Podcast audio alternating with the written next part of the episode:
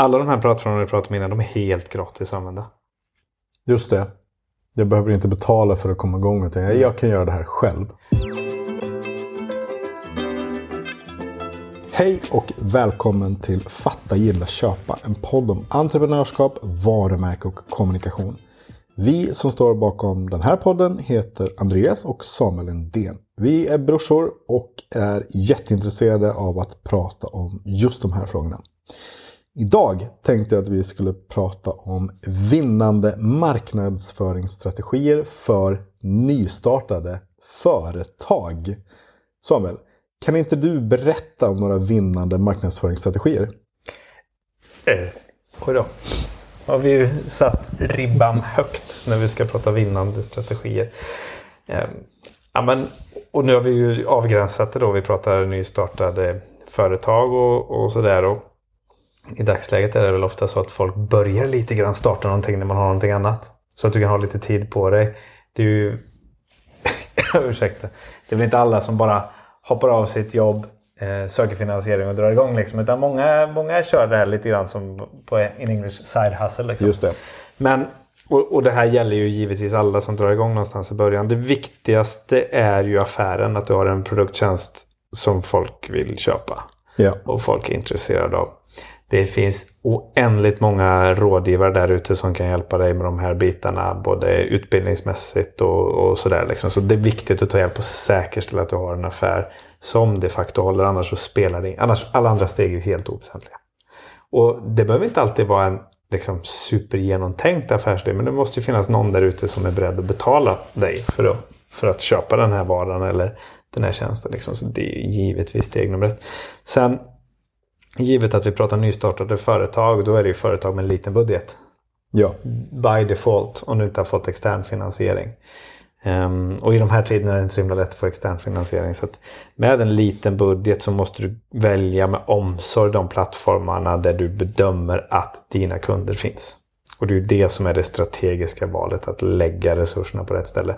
Hade du ändå med pengar så kunde du ju tagit in de bästa producenterna och gjort det bästa. Liksom. Självklart är det så. Men nu har du inte det. Och Då måste du välja med omsorg. För att din tid ska också gå till att fortsätta utveckla affären. Fortsätta jobba med kunderna och sådär. Och då kommer vi in på det som vi jobbar med med den dokumentära kommunikationen i alla våra plattformar. Det är ju podden, det är bloggen, det är YouTube.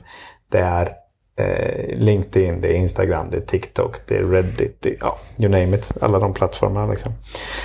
Ta reda på vart dina kunder finns och vad deras verkliga drivkrafter är för att använda din vara och din tjänst. Och sen börjar du kommunicera i de plattformarna. Så din strategi bör vara säkerställa att du har en produkt, vara, tjänst som funkar. Säkerställa att du vet vem som är din målgrupp, hur den ser ut, vart de finns och vad bevekelsegrunden är för dem att anlita dig. Och sen börjar du kommunicera där. För att alla de här plattformarna vi pratade om innan, de är helt gratis att använda. Just det. Jag behöver inte betala för att komma igång. Utan jag, jag kan göra det här själv. Och det är din tid. Och du är säkert inte bra på allting. Du är säkert inte bra på både podda, blogga och youtuba. Eh, det är inte vi heller, men vi gör det ändå. Eh, det är ingen som betalar oss för att göra de här poddarna, men vi gör det ändå. För vi är helt övertygade om att vi kommer börja bygga relationer till människor som är intresserade av att köpa de här frågorna.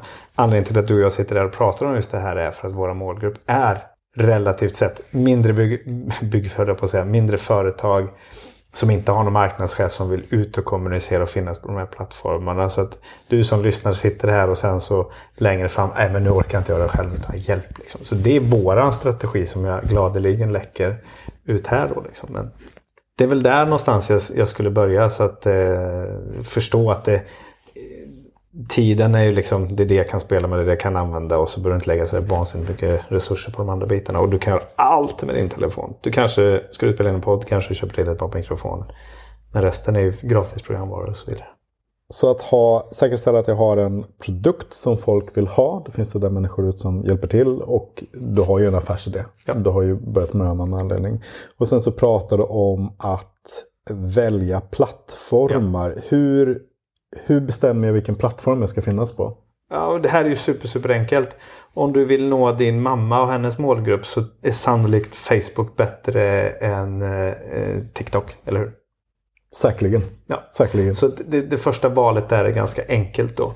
Eh, lite grann sådär, eh, ska du, ett annat exempel om du jobbar inom en eh, upphandlad, alltså vård, skola, omsorg och du ska jobba med de sakerna där det finns upphandlingar. Ja men då är det kanske något annat du, du måste tänka på. Eller är det inom yrken eller liksom verksamheter, säg att du säljer någonting till eh, personal som jobbar på lager. Där de inte själva kan fatta de besluten. Men, men du vet att de är en viktig stakeholder. Du måste komma åt dem på något sätt men du måste ändå fatta få tag i beslutsfattaren. Liksom, Okej, okay, vart finns de på olika plattformar? Så, så här kan ju de samverka då. Nu kommer ju nästa nivå i strategin då. Säg att du vill sälja arbetsskor till personal på lager. De är de skönaste, de är de bästa. De här människorna går runt inom dygnet runt. Liksom. Då kanske du hittar en eh, lagerarbetande influencer på TikTok. Eller hur? Och så börjar du kommunicera med dem den vägen. Men den som fattar inköpsbesluten påverkar på LinkedIn, eller hur? Mm. Så nu får du jobba dubbelt då med din strategi. Att du har ju liksom beslutsfattare och du har brukare. Och du måste prata med dem på helt olika sätt givetvis. För det är olika bevekelsegrunder för att fatta rätt beslut då, att köpa just dina, dina produkter. Då. Så nu, går det lägga, nu kan vi lägga på väldigt många mm. olika nivåer mm. i komplexiteten på den här strategin. Då, men... Så jag har, hittat mina, jag har hittat min målgrupp. I det här fallet kan det vara två olika målgrupper för att liksom få det köpbeslutet. Hur, och jag har hittat vart de är då. Hur ska jag förstå mig på min målgrupp? Och det är också det bästa och det enklaste. Fråga då. Det här missar de flesta, eller hur? Man sitter på kammaren och så glömmer man bort att fråga kunderna. Men det är ju bara att börja fråga dem. Prata med dem. Vad är det som driver dig? Vad är det som är viktigt? Hur funkar det? Alltså göra de här intervjuerna. Då kan du prata med kompisar och bekanta. Alla känner ju någon liksom som är rätt i målgruppen och fråga om att få göra din marknadsresearch. De flesta kommer säga ja. Hör av dig till en högskola ett universitet. Kan inte ni göra ett exjobb kring detta? Liksom, för att verkligen fråga. För att samla den här datan då. Sen det, det, det, det är ju den långa och jobbiga vägen, absolut. Den funkar ju. Ehm, du får bra data men du kanske inte har tid att vänta. Ehm, den andra delen är ju så här eh, hur du kan driva opinion och påverkansoperationer med. Det är ju tonårstjejen i familjen som fattar inköpsbesluten genom morsan. Mm. Yeah det, är ju ganska, det här är ju ganska givet, liksom, det vet man ju. Men, men det är ju den som tonåringsdottern här kanske som bestämmer vilken tanke den har. Men det är ju ändå morsan som ska betala när de går och handlar. Liksom. Så här kan du jobba på lite olika sätt. Det här ser man ju då väldigt mycket reklam. Att man nu spelar an på millennials uppväxt. Och går tillbaka dit. Vi har ju pratat mycket om eh, bilder senaste tiden. Att man ser mycket bilder med hårdblixt. Och retro digitalkameran är ju tillbaka. Ja. Och då sitter ju blixten, då har du ingen extern blixt, den sitter ovanpå och den kommer ganska nära linsen. Och då blir det här panghårda ljudet. Och de, eller ljuset och de flesta kan inte, är inte tillräckligt duktiga på kameran så de kan inte ställa ner effekten i blixten. Och då blir det så. Så att ärligt talat, det är dåliga bilder. Ja. Men nu är de superkurerade, nu är det jättesnyggt. Så slår de an på en känsla någonstans. Men det var så här, så här ser mina första Facebook-bilder ut. Liksom. Det här är känslan. Det var mörkt ute för kamerorna i mobiltelefonerna var så usla, eller hur? Så det är bara en effekt av någonting. Och det här då, då spelar vi an på de känslorna. Och det gör man ju, ja. Du, musiken just nu så är det väldigt mycket liksom man plockar upp från, från, eh, från tidigare, vad heter det nu? Eh, det heter inte remix, remakes kanske det heter. Filmer, samma sak. Mm. Star Wars, alltså allt det där liksom, man använder det, man slår tillbaka på den nostalgin. Och man vill ju slå sig in i de köpstarka målgrupperna och de flyttar ju hela tiden. Liksom. Och boomern är ju ute eftersom de börjar bli för gamla. För att konsumera? Så, det får jag ju såklart inte säga men med ur en populationsperspektiv så är det klart att det är så. Liksom, att där finns inte så mycket att hämta längre utan då ger man sig på nästa generation och så försöker man hitta men vad, vad då, Och så ungdomsnostalgi är ju jätte effektivt. Liksom. Ja, det sägs vi är ju apor, vi går ju på... ja, det sägs att mode går i cykler om 20-30 år. Ja. Och att det är tillbaka nu. Yes. Så att jag förstår min, min eh, målgrupp genom att titta på vad de konsumerar, den populärkultur som finns idag. Eh, mm. Och, och, och, försöka mimika den.